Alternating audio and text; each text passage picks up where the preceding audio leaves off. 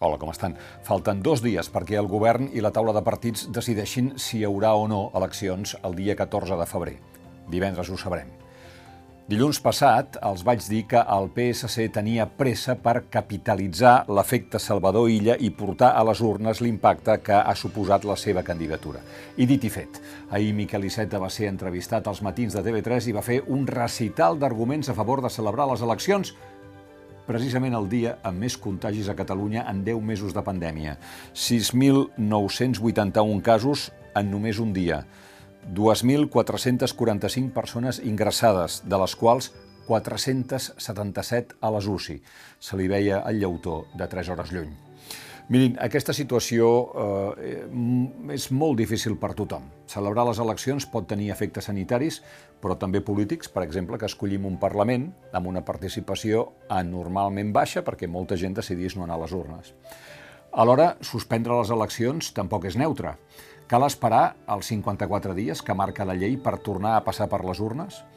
El cens de votants s'ha de tornar a obrir? Quant de temps ha de durar la campanya?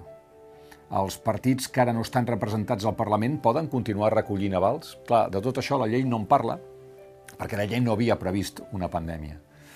Comptin que si demà passat s'ajornen les eleccions, caldrà anunciar una nova data i els comicis podrien ser a finals d'abril o a començaments de, de maig. De fet, com diem avui a la portada, Europa assumeix que la situació serà crítica fins a l'abril.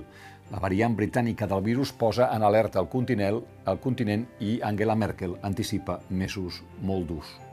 En aquestes circumstàncies, un prec a tots els actors polítics. No juguem electoralment amb la data de les eleccions. No arribem, si us plau, a aquest grau de degradació de la vida pública eh, en un moment en què estem mesurant la pandèmia amb milers de morts, en la darrera setmana han mort 435 persones i des de l'inici de la pandèmia ja en són a Catalunya 17.714. A aquestes alçades ja entenem, i no és ironia, que a un govern no li és gens fàcil prendre decisions de futur enmig d'una pandèmia. Pot ser més o menys eficient, però certament no ho té fàcil.